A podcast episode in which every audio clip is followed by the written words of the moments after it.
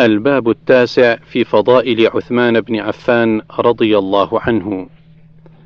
1637 عن عائشة رضي الله عنها قالت: كان رسول الله صلى الله عليه وسلم مضطجعا في بيته كاشفا عن فخذيه أو ساقيه فاستأذن أبو بكر رضي الله عنه فأذن له وهو على تلك الحال. فتحدث ثم استأذن عمر رضي الله عنه فأذن له وهو كذلك فتحدث. ثم استأذن عثمان رضي الله عنه فجلس رسول الله صلى الله عليه وسلم وسوى ثيابه.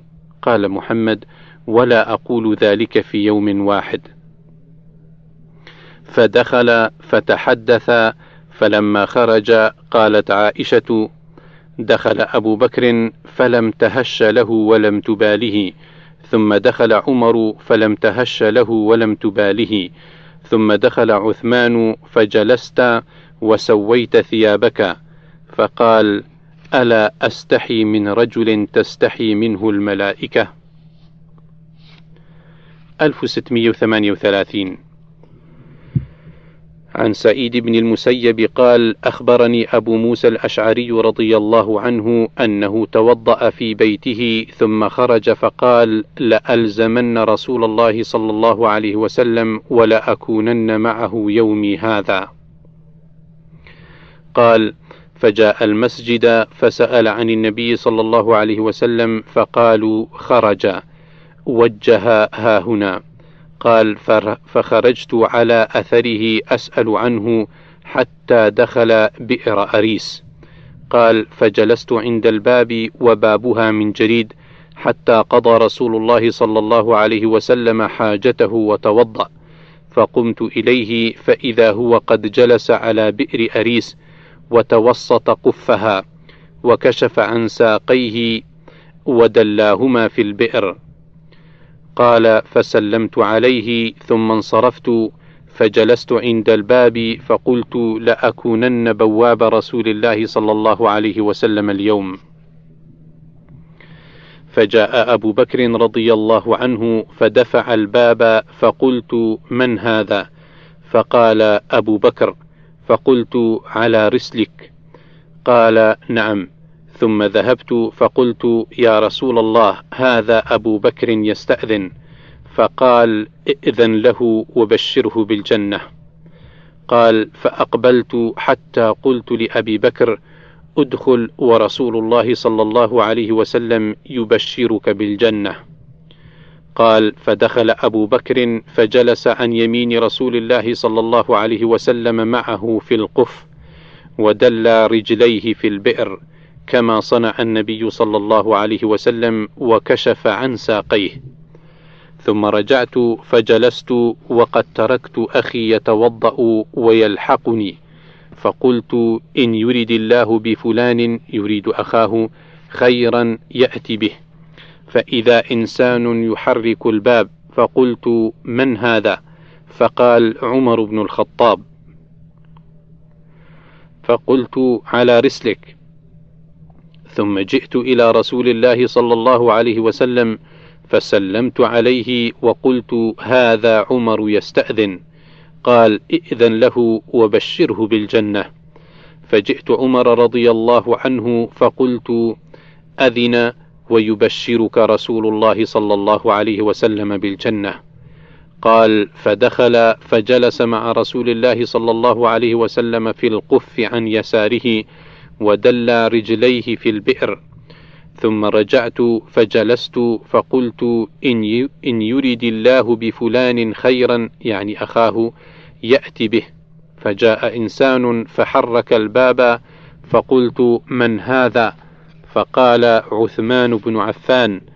فقلت على رسلك. قال وجئت النبي صلى الله عليه وسلم فأخبرته فقال ائذن له وبشره بالجنة مع بلوى تصيبه.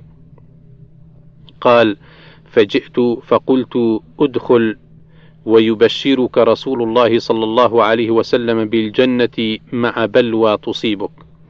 قال فدخل فوجد القف قد ملئ فجلس وجاههم من الشق الآخر. قال شريك فقال سعيد بن المسيب فأولتها قبورهم. أخرجه البخاري 3674 الباب العاشر في فضائل علي بن أبي طالب رضي الله عنه. 1639 عن سعد بن أبي وقاص رضي الله عنه قال خلف رسول الله صلى الله عليه وسلم علي بن أبي طالب رضي الله عنه في غزوة تبوك فقال يا رسول الله تخلفني في النساء والصبيان فقال أما ترضى أن تكون مني بمنزلة هارون من موسى غير أنه لا نبي بعدي أخرجه البخاري 4416 1640 عن سهل بن سعد رضي الله عنهما أن رسول الله صلى الله عليه وسلم قال يوم خيبر لأعطين هذه الراية رجلا يفتح الله على يديه يحب الله ورسوله ويحبه الله ورسوله. قال فبات الناس يدوكون ليلتهم أيهم يعطاها. قال فلما أصبح الناس غدوا على رسول الله صلى الله عليه وسلم كلهم يرجون أن يعطاها. فقال أين علي بن أبي طالب؟ فقالوا هو يا رسول الله يشتكي عينيه. قال فارسلوا إليه فأتي به فبصق رسول الله صلى الله عليه وسلم في عينيه ودعا له فبرأ حتى كأن لم يكن به وجع فأعطاه الراية. فقال علي رضي الله عنه يا رسول الله أقاتلهم حتى يكونوا مثلنا قال انفذ على رسلك حتى تنزل بساحتهم ثم ادعهم إلى الإسلام وأخبرهم بما يجب عليهم من حق الله فيه فوالله لأن يهدي الله بك رجلا واحدا خير لك من أن تكون لك حمر النعم. أخرجه البخاري 4005 1641 عن سهل بن سعد رضي الله عنهما قال استعمل على المدينة رجل من آل مروان. قال فدعا سهل بن سعد فأمره أن يشتم عليا. قال فأبى سهل فقال له أما إذ أبيت فقل لعن الله أبا التراب.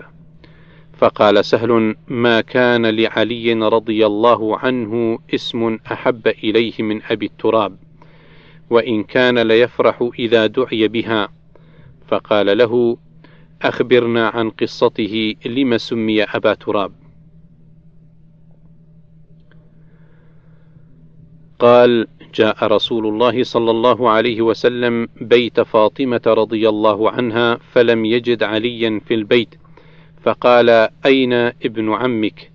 فقالت كان بيني وبينه شيء فغاضبني فخرج فلم يقل عندي.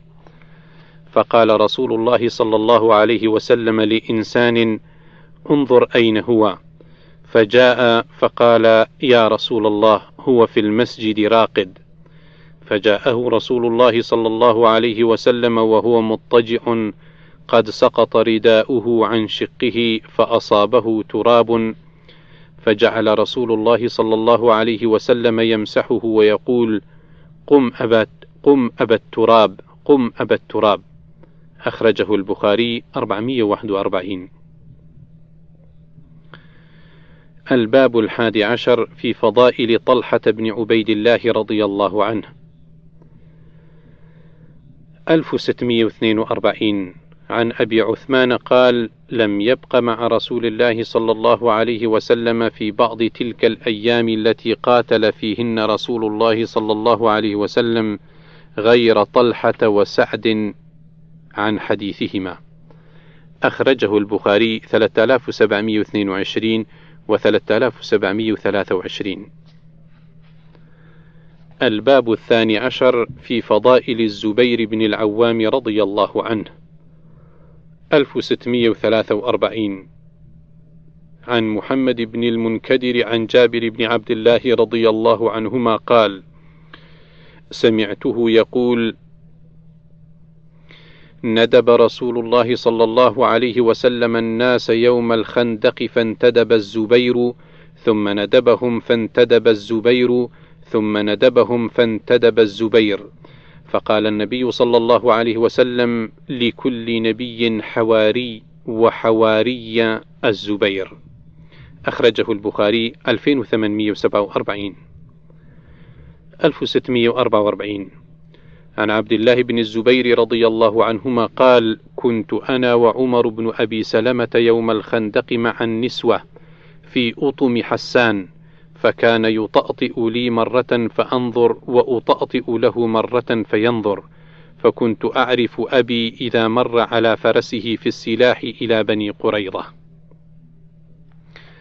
قال وأخبرني عبد الله بن عروة عن عبد الله بن الزبير قال فذكرت ذلك لأبي فقال ورأيتني يا بني؟ قلت نعم. قال أما والله لقد جمع لي رسول الله صلى الله عليه وسلم يومئذ أبويه فقال فداك أبي وأمي. أخرجه البخاري 3720 1645 عن عروة عن عروة بن الزبير قال قالت لي عائشة رضي الله عنها أبواك والله من الذين استجابوا لله والرسول من بعد ما أصابهم القرح. وفي رواية تعني أبا بكر والزبير رضي الله عنهما. الباب الثالث عشر في فضائل طلحة والزبير رضي الله عنهما. 1646 عن أبي هريرة رضي الله عنه أن رسول الله صلى الله عليه وسلم كان على جبل حراء فتحرك فقال رسول الله صلى الله عليه وسلم أسكن حراء فما عليك إلا نبي أو صديق أو شهيد. وعليه النبي صلى الله عليه وسلم وأبو بكر وعمر وعثمان وعلي وطلحة والزبير وسعد بن أبي وقاص رضي الله عنهم. الباب الرابع عشر في فضائل سعد بن أبي وقاص رضي الله عنه. 1647 عن عائشة رضي الله عنها قالت: سهر رسول الله صلى الله عليه وسلم مقدمه المدينة ليلة فقال: ليت رجلا صالحا من أصحابي يحرسني الليلة قالت فبينا نحن كذلك سمعنا خشخشة سلاح. فقال من هذا؟ قال سعد بن أبي وقاص. فقال له رسول الله صلى الله عليه وسلم ما جاء بك؟ فقال وقع في نفسي خوف على رسول الله صلى الله عليه وسلم فجئت أحرسه.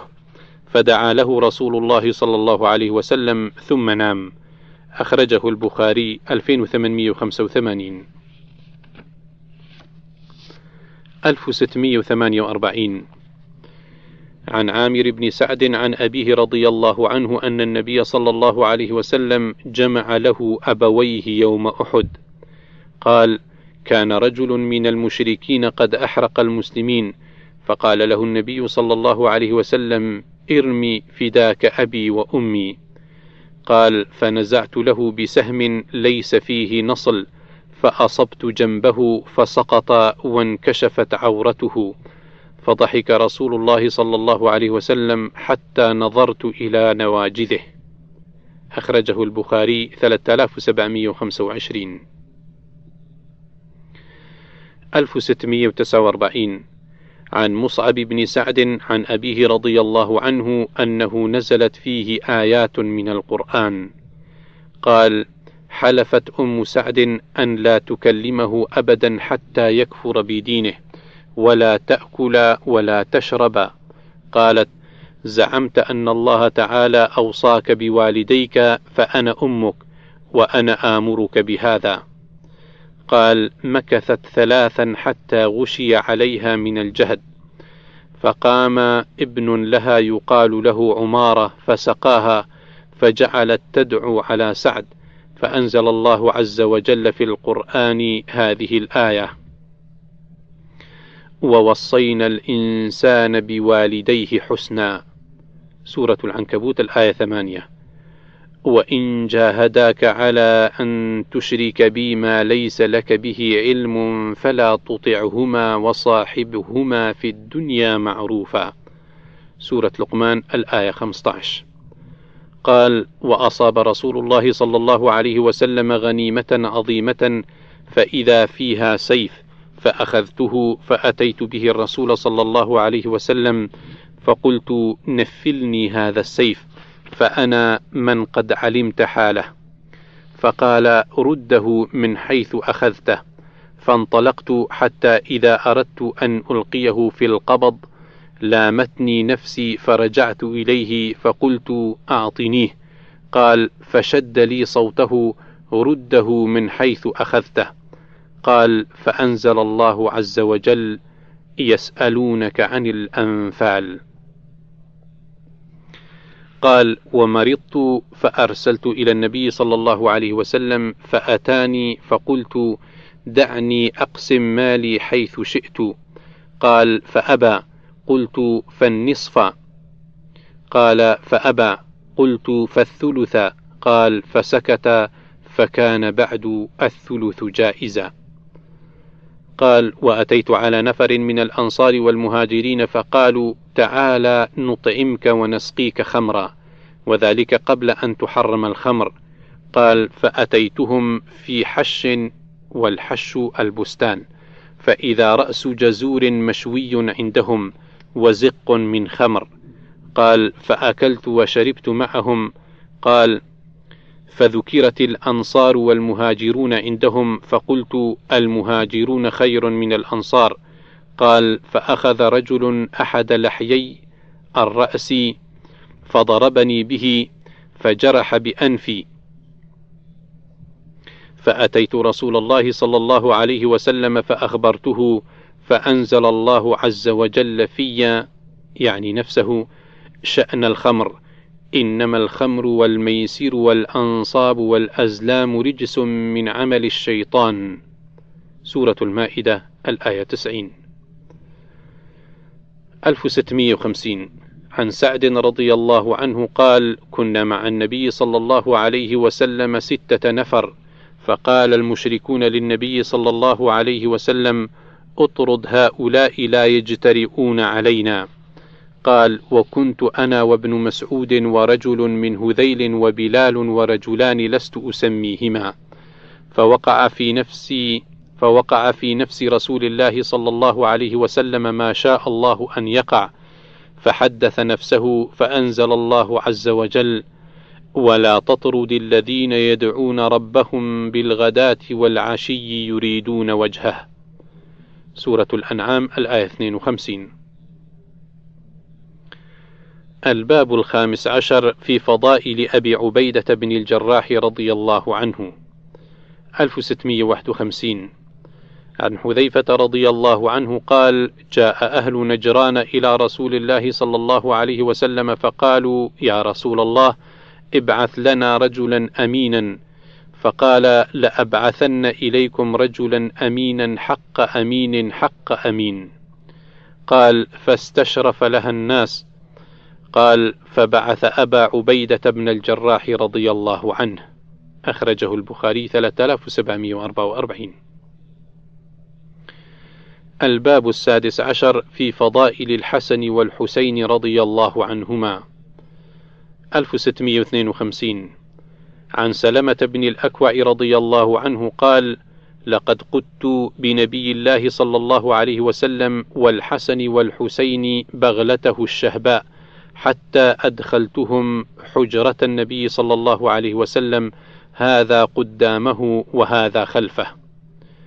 1653 عن أبي هريرة رضي الله عنه قال خرجت مع رسول الله صلى الله عليه وسلم في طائفة من النهار لا يكلمني ولا أكلمه حتى جاء سوق بني قينقاع ثم انصرف حتى أتى خباء فاطمة رضي الله عنها فقال أثم لكع أثم لكع يعني حسنا رضي الله عنه فظننا أنه إنما تحبسه أمه لأن تغسله وتلبسه سخابا فلم يلبث أن جاء يسعى حتى اعتنق كل واحد منهما صاحبه. فقال رسول الله صلى الله عليه وسلم اللهم إني أحبه فأحبه وأحب من يحبه. أخرجه البخاري 2122 الباب السابع عشر. في فضائل فاطمة عليها السلام بنت رسول الله صلى الله عليه وسلم. 1654 عن المسور بن مخرمة رضي الله عنهما أن علي بن أبي طالب رضي الله عنه خطب بنت أبي جهل وعنده فاطمة بنت رسول الله صلى الله عليه وسلم فلما سمعت بذلك فاطمة رضي الله عنها أتت النبي صلى الله عليه وسلم فقالت له إن قومك يتحدثون أنك لا تغضب لبناتك. وهذا علي ناكحا ابنة أبي جهل. قال المسور فقام النبي صلى الله عليه وسلم فسمعته حين تشهد ثم قال أما بعد فإني أنكحت أبا العاص بن الربيع فحدثني وصدقني وإن فاطمة بنت محمد بضعة مني وإنما أكره أن يفتنوها وإنها والله لا تجتمع بنت رسول الله صلى الله عليه وسلم وبنت عدو الله عند رجل واحد أبدا. قال فترك علي رضي الله عنه الخطبة أخرجه البخاري 3729 1655 عن عائشة رضي الله عنها قالت: كن أزواج النبي صلى الله عليه وسلم عنده لم يغادر منهن واحدة، فأقبلت فاطمة رضي الله عنها تمشي ما تخطئ مشيتها من مشية رسول الله صلى الله عليه وسلم شيئا، فلما رآها رحب بها فقال: مرحبا بابنتي. ثم أجلسها عن يمينه أو عن شماله ثم سارها فبكت بكاء شديدا فلما رأى جزعها سارها ثانية فضحكت فقلت لها خصك رسول الله صلى الله عليه وسلم من بين نسائه بالسرار ثم أنت تبكين. فلما قام رسول الله صلى الله عليه وسلم سألتها ما قال لك رسول الله صلى الله عليه وسلم؟ قالت ما كنت لأفشي على رسول الله صلى الله عليه وسلم سره. قالت فلما توفي رسول الله صلى الله عليه وسلم قلت عزمت عليك بما لي عليك من الحق لما حدثتني ما قال لك رسول الله صلى الله عليه وسلم. فقالت أما الآن فنعم أما حين سارني في المرة الأولى فأخبرني أن جبريل كان يعارضه القرآن في كل سنة مرة أو مرتين، وأنه عارضه الآن مرتين، وإني لا أرى الأجل إلا قد اقترب، فاتق الله واصبري، فإنه نعم السلف أنا لك. قالت: فبكيت بكائي الذي رأيت، فلما رأى جزعي سارني الثانية فقال: يا فاطمة أما ترضين أن تكوني سيدة نساء المؤمنين أو سيدة نساء هذه الأمة؟ قالت: فضحكت ضحك الذي رأيت. أخرجه البخاري 6285 و 6286 الباب الثامن عشر في فضائل أهل بيت النبي صلى الله عليه وسلم 1656 عن عائشة رضي الله عنها قالت: خرج رسول الله صلى الله عليه وسلم ذات غداة وعليه مرط مرحل من شعر أسود، فجاء الحسن بن علي فأدخله، ثم جاء الحسين فدخل معه، ثم جاءت فاطمة رضي الله عنهم فأدخلها، ثم جاء علي رضي الله عنه فأدخله ثم قال: إنما يريد الله ليذهب عنكم الرجس أهل البيت ويطهركم تطهيرا. سورة الأحزاب الآية 33 1657 عن يزيد بن حيان قال: انطلقت أنا وحسين بن سبرة وعمر بن مسلم إلى زيد بن أرقم فلما جلسنا إليه قال له حسين لقد لقيت يا زيد خيرا كثيرا رأيت رسول الله صلى الله عليه وسلم وسمعت حديثه وغزوت معه وصليت خلفه. لقد لقيت يا زيد خيرا كثيرا. حدثنا يا زيد ما سمعت من رسول الله صلى الله عليه وسلم. قال يا ابن أخي والله لقد كبرت سني وقدم عهدي ونسيت بعض الذي كنت أعي من رسول الله صلى الله عليه وسلم. فما حدثتكم فاقبلوه وما لا فلا تكلفونيه.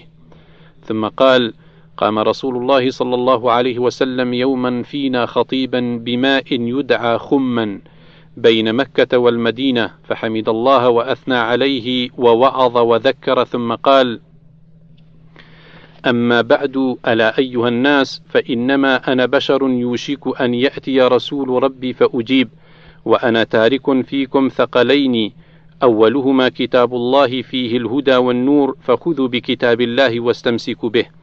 فحث على كتاب الله ورغب فيه ثم قال: وأهل بيتي أذكركم الله في أهل بيتي أذكركم الله في أهل بيتي أذكركم الله في أهل بيتي ثلاثا. فقال له حسين ومن أهل بيته يا زيد؟ أليس نساؤه من أهل بيته؟ قال نساؤه من أهل بيته ولكن أهل بيته من حرم الصدقة بعده. قال ومن هم؟ قال هم آل علي وآل عقيل وآل جعفر وآل عباس. قال كل هؤلاء حرم الصدقة. قال نعم. الباب التاسع عشر في فضائل عائشة أم المؤمنين رضي الله عنها زوج النبي صلى الله عليه وسلم. 1658 عن عائشة رضي الله عنها أنها قالت: قال رسول الله صلى الله عليه وسلم: أريتك في المنام ثلاث ليال جاءني بك الملك في سرقة من حرير يقول هذه امرأتك فأكشف عن وجهك فإذا أنت هي فأقول إن يك هذا من عند الله يمضه أخرجه البخاري 5125 1659 عن عائشة رضي الله عنها قالت قال لي رسول الله صلى الله عليه وسلم إني لأعلم إذا كنت عني راضية وإذا كنت علي غضبا. قالت فقلت ومن أين تعرف ذلك؟ قال أما إذا كنت عني راضية فإنك تقولين لا ورب محمد صلى الله عليه وسلم. وإذا كنت غضبا قلت لا ورب إبراهيم. قالت قلت أجل والله يا رسول الله. ما أهجر إلا اسمك. أخرجه البخاري 5228 1660 عن عائشة رضي الله عنها أنها كانت تلعب بالبنات عند رسول الله صلى الله عليه وسلم. قالت وكانت تأتيني صواحبي فكنا ينقمعن من رسول الله صلى الله عليه وسلم. قالت فكان رسول الله صلى الله عليه وسلم يسربهن إلي. أخرجه البخاري 6130 1661 عن عائشة رضي الله عنها أن الناس كانوا يتحرون بهداياهم يوم عائشة يبتغون بذلك مرضاة رسول الله صلى الله عليه وسلم. أخرجه البخاري 2574 1662 عن عائشة رضي الله عنها زوج النبي صلى الله عليه وسلم قالت: أرسل أزواج النبي صلى الله عليه وسلم فاطمة بنت رسول الله صلى الله عليه وسلم إلى رسول الله صلى الله عليه وسلم فاستأذنت عليه وهو مضطجع معي في مرطي. فأذن لها فقالت: يا رسول الله إن أزواجك أرسلنني إليك يسألنك العدل في ابنة أبي قحافة وأنا ساكتة. قالت فقال لها رسول الله صلى الله عليه وسلم أي بنية ألست تحبين ما أحب؟ فقالت بلى. قال فأحبي هذه. قالت فقامت فاطمة رضي الله عنها حين سمعت ذلك من رسول الله صلى الله عليه وسلم فرجعت إلى أزواج النبي صلى الله عليه وسلم فأخبرتهن بالذي قالت. وبالذي قال لها رسول الله صلى الله عليه وسلم فقلن لها ما نراك أغنيت عنا من شيء فارجعي إلى رسول الله صلى الله عليه وسلم فقولي له إن أزواجك ينشدنك العدل في ابنة أبي قحافة فقالت فاطمة والله لا أكلمه فيها أبدا.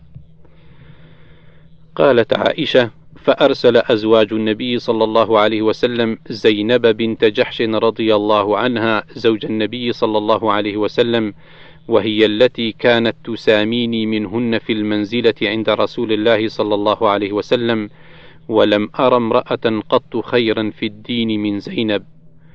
وأتقى لله وأصدق حديثا وأوصل للرحم وأعظم صدقة وأشد ابتذالا لنفسها في العمل الذي تصدق به وتقرب به إلى الله تعالى.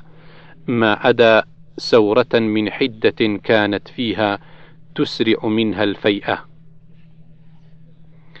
قالت فاستأذنت على رسول الله صلى الله عليه وسلم ورسول الله صلى الله عليه وسلم مع عائشة في مرطها على الحال التي دخلت فاطمة عليها وهو بها. فأذن لها رسول الله صلى الله عليه وسلم فقالت يا رسول الله إن أزواجك أرسلنني إليك يسألنك العدل في ابنة أبي قحافة. قالت ثم وقعت بي فاستطالت علي وأنا أرقب رسول الله صلى الله عليه وسلم وأرقب طرفه هل يأذن لي فيها؟ قالت فلم تبرح زينب حتى عرفت أن رسول الله صلى الله عليه وسلم لا يكره أن أنتصر. قالت فلما وقعت بها لم أنشبها حين أنحيت عليها. قالت فقال رسول الله صلى الله عليه وسلم وتبسم إنها ابنة أبي بكر. أخرجه البخاري 2581 1663 عن عائشة رضي الله عنها قالت إن كان رسول الله صلى الله عليه وسلم ليتفقد يقول أين أنا اليوم؟ أين أنا غدا؟ استبطاء ليوم عائشة. قالت فلما كان يومي قبضه الله بين سحري ونحري. أخرجه البخاري 1389 1664 عن عائشة رضي الله عنها أنها سمعت رسول الله صلى الله عليه وسلم يقول قبل أن يموت وهو مسند إلى صدرها وأصغت إليه وهو يقول: اللهم اغفر لي وارحمني وألحقني بالرفيق. أخرجه البخاري 4440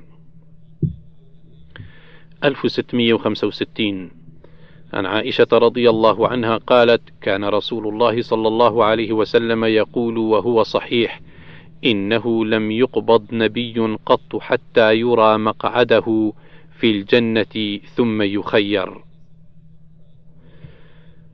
قالت عائشة: فلما نزل برسول الله صلى الله عليه وسلم ورأسه على فخذي غشي عليه ساعة ثم أفاق فأشخص بصره إلى السقف ثم قال: اللهم الرفيق الأعلى.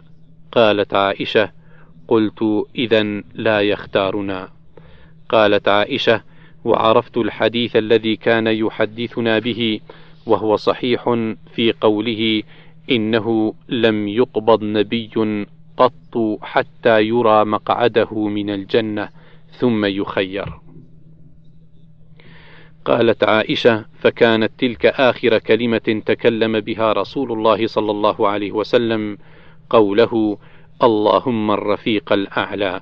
أخرجه البخاري 4463 1666 عن عائشة رضي الله عنها قالت: كان رسول الله صلى الله عليه وسلم إذا خرج أقرع بين نسائه، فطارت القرعة على عائشة وحفصة، فخرجتا معه جميعا، وكان رسول الله صلى الله عليه وسلم إذا كان بالليل سار مع عائشة يتحدث معها.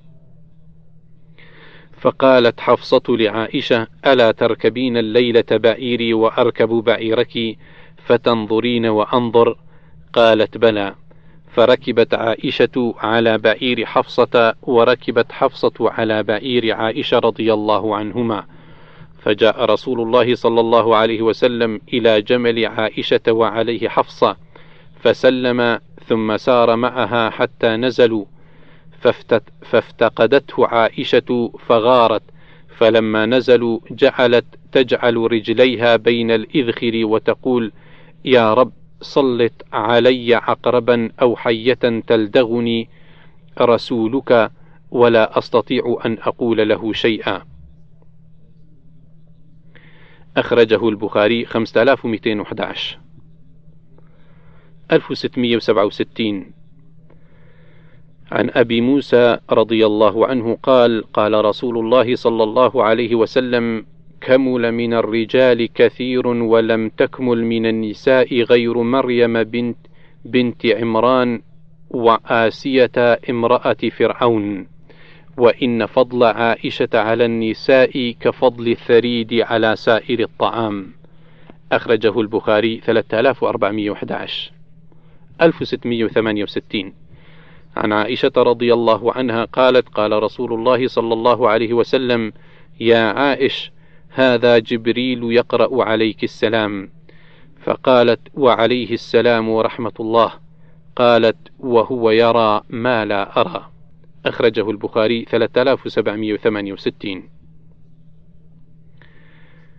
الباب العشرون منه وذكر حديث أم زرع. 1669 عن عائشة رضي الله عنها أنها قالت: جلس إحدى عشرة امرأة فتعاهدن وتعاقدن أن لا يكتمن من أخبار أزواجهن شيئا. قالت الأولى: زوجي لحم جمل غث على رأس جبل وعر لا سهل فيرتقى ولا سمين فينتقى. قالت الثانية: زوجي لا أبث خبره إني أخاف أن لا أذره إن أذكر إن أذكره أذكر عجره وبجره. قالت الثالثة: زوجي العشنق إن أنطق أطلق وإن أسكت أعلق. قالت الرابعة: زوجي كليل تهامة لا حر ولا قر ولا مخافة ولا سآمة. قالت الخامسة: زوجي إن دخل فهد وإن خرج أسد ولا يسأل عما عهد. قالت السادسة: زوجي إن أكل لف وإن شرب اشتف وإن اضطجع التف ولا يولج الكف ليعلم البث. قالت السابعة: زوجي غياياء أو عياياء طباقاء كل داء له داء. شجك أو فلك أو جمع كلا لك. قالت الثامنة زوجي الريح ريح زرنب والمس مس أرنب. قالت التاسعة زوجي رفيع العماد طويل النجاد عظيم الرماد قريب البيت من الناد. قالت العاشرة زوجي مالك وما مالك مالك خير من ذلك له إبل كثيرات المبارك قليلات المسارح إذا سمعن صوت المزهر أيقن أنهن هوالك. قالت الحادية عشرة زوجي أبو زرع فما أبو زرع؟ أناس من حلي أذني وملأ من شحم عضدي وبجحني فبجحت إلي نفسي وجدني في أهل غنيمة بشق فجعلني في أهل صهيل وأطيط ودائس ومنق فعنده أقول فلا أقبح وأرقد فأتصبح وأشرب فأتق فأتقنح. أم أبي زرع فما أم أبي زرع؟ عكومها رداح وبيتها فساح ابن أبي زرع فما ابن أبي زرع؟ مضجعه كمسل شطبة وتشبعه ذراع الجفرة.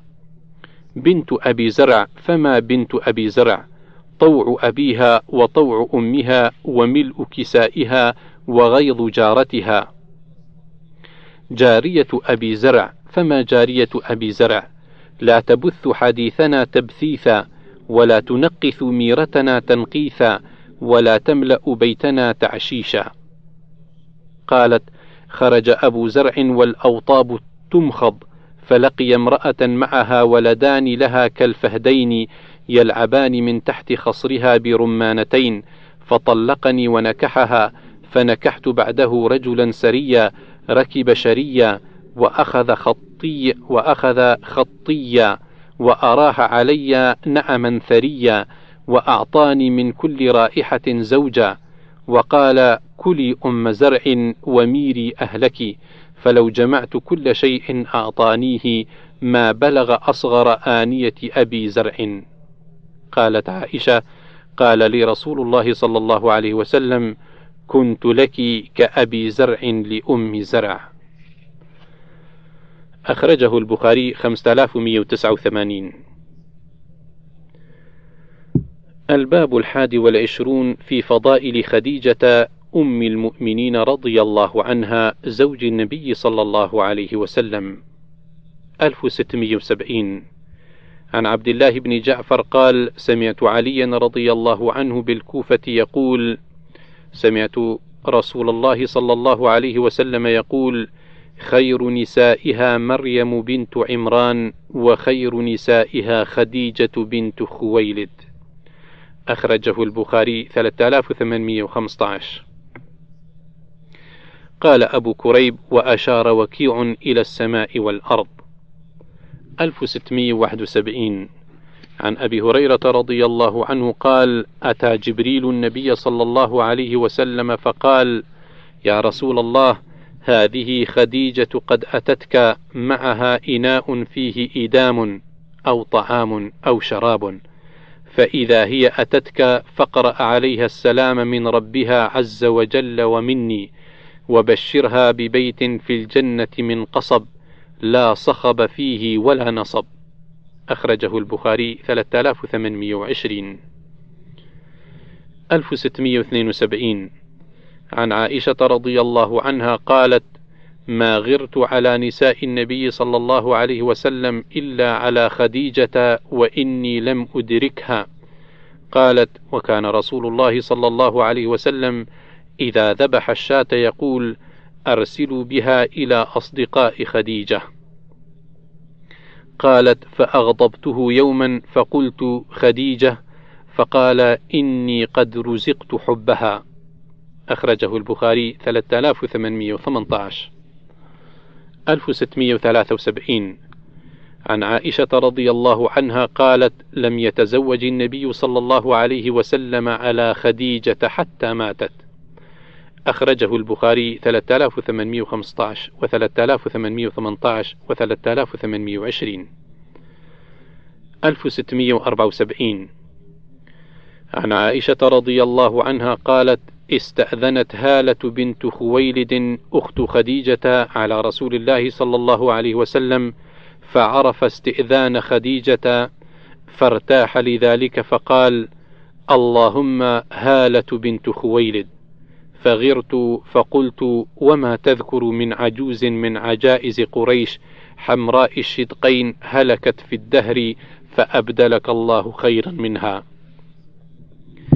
أخرجه البخاري 3815 و 3818 و 3820 الباب الثاني والعشرون في فضائل زينب زوج النبي صلى الله عليه وسلم أم المؤمنين رضي الله عنها. 1675 عن عائشة أم المؤمنين رضي الله عنها قالت قال رسول الله صلى الله عليه وسلم أسرعكن لحاقا بي أطولكن يدا. قالت فكن يتطاول يتطاولن أيتهن أطول يدا. قالت فكانت أطولنا يدا زينب لأنها كانت تعمل بيدها وتصدق. أخرجه البخاري 1420 الباب الثالث والعشرون في فضائل أم سلمة زوج النبي صلى الله عليه وسلم أم المؤمنين رضي الله عنها. 1676 عن أبي عثمان عن سلمان رضي الله عنه قال لا تكونن إن استطعت أول من يدخل السوق ولا آخر من يخرج منها فإنها معركة الشيطان وبها ينصب رايته. قال وأنبئت أن جبريل عليه السلام أتى نبي الله صلى الله عليه وسلم وعنده أم سلمة. قال فجعل يتحدث ثم قام. فقال نبي الله صلى الله عليه وسلم لأم سلمة من هذا؟ أو كما قال قالت هذا دحية الكلبي قال فقالت أم سلمة أيم الله ما حسبته إلا إياه. حتى سمعت خطبة نبي الله صلى الله عليه وسلم يخبر خبرنا أو كما قال. فقلت لأبي عثمان ممن سمعت هذا؟ قال من أسامة بن زيد. الباب الرابع والعشرون في فضائل أم سليم أم أنس بن مالك رضي الله عنها. 1677 عن أنس بن مالك رضي الله عنه قال كان النبي صلى الله عليه وسلم لا يدخل على أحد من النساء إلا على أزواجه إلا أم سليم فإنه كان يدخل عليها.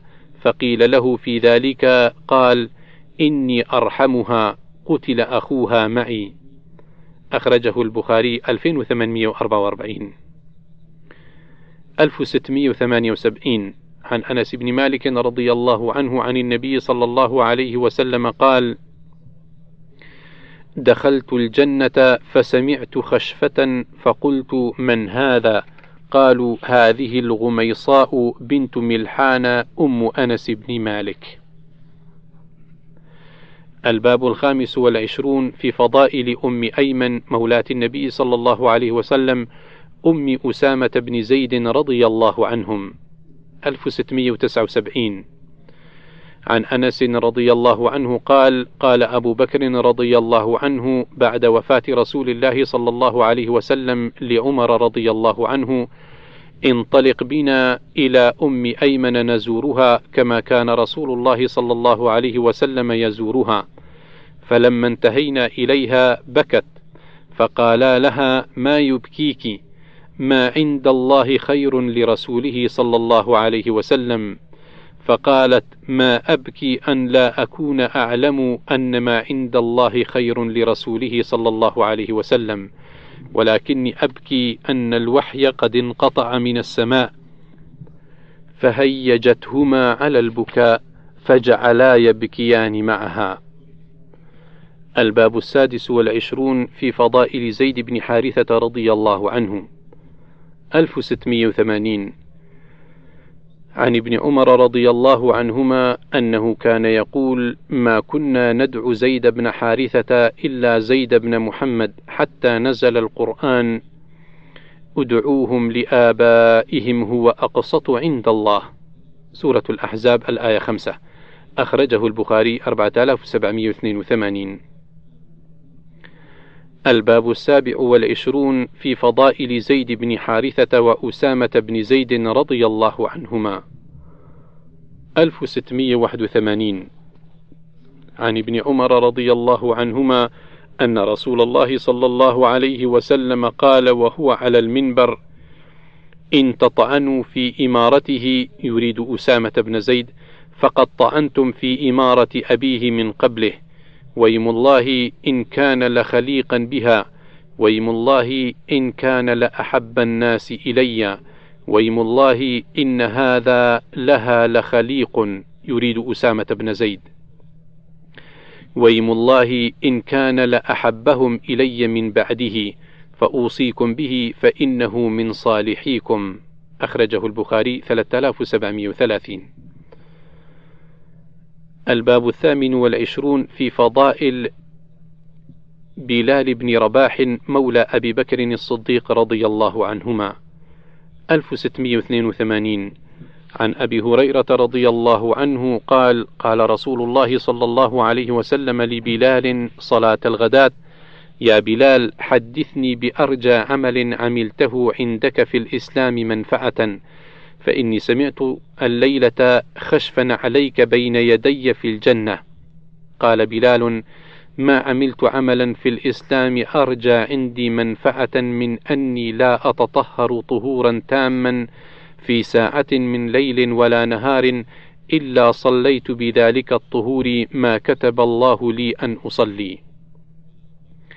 أخرجه البخاري 1149 الباب التاسع والعشرون في فضائل سلمان وصهيب وبلال رضي الله عنهم.